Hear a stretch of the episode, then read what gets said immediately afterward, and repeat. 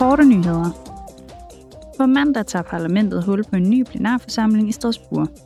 Her vil der være en fælles debat med den europæiske investeringsbank om dens årsberetning.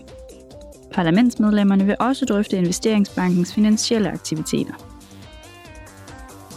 På mandag vil parlamentsmedlemmerne desuden fokusere på Fit for 55-pakken. I den forbindelse vil der være en debat og afstemning om udrulning af ladestationer til biler og lastbiler, mere bæredygtige skibsbrændstoffer, nye energisparmål og skrappere regler med henblik på at reducere drivhusgasudledningen for industrien.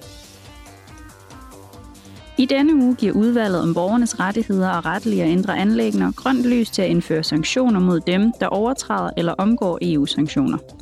Hermed indføres en fælles definition af overtrædelse og minimumstraffe, hvilket sikrer, at strafbare handlinger overalt i EU bliver straffet. EU-sanktioner kan blandt andet indebære indefrysning af aktiver, rejseforbud og våbenembargo.